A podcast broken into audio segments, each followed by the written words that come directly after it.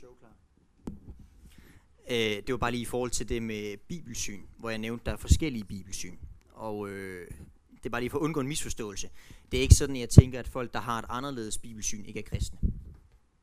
Det er bare lige vigtigt at understrege. Man kan godt være ret uenig om nogle ting som kristne, uden at jeg nødvendigvis fradømmer dem troen.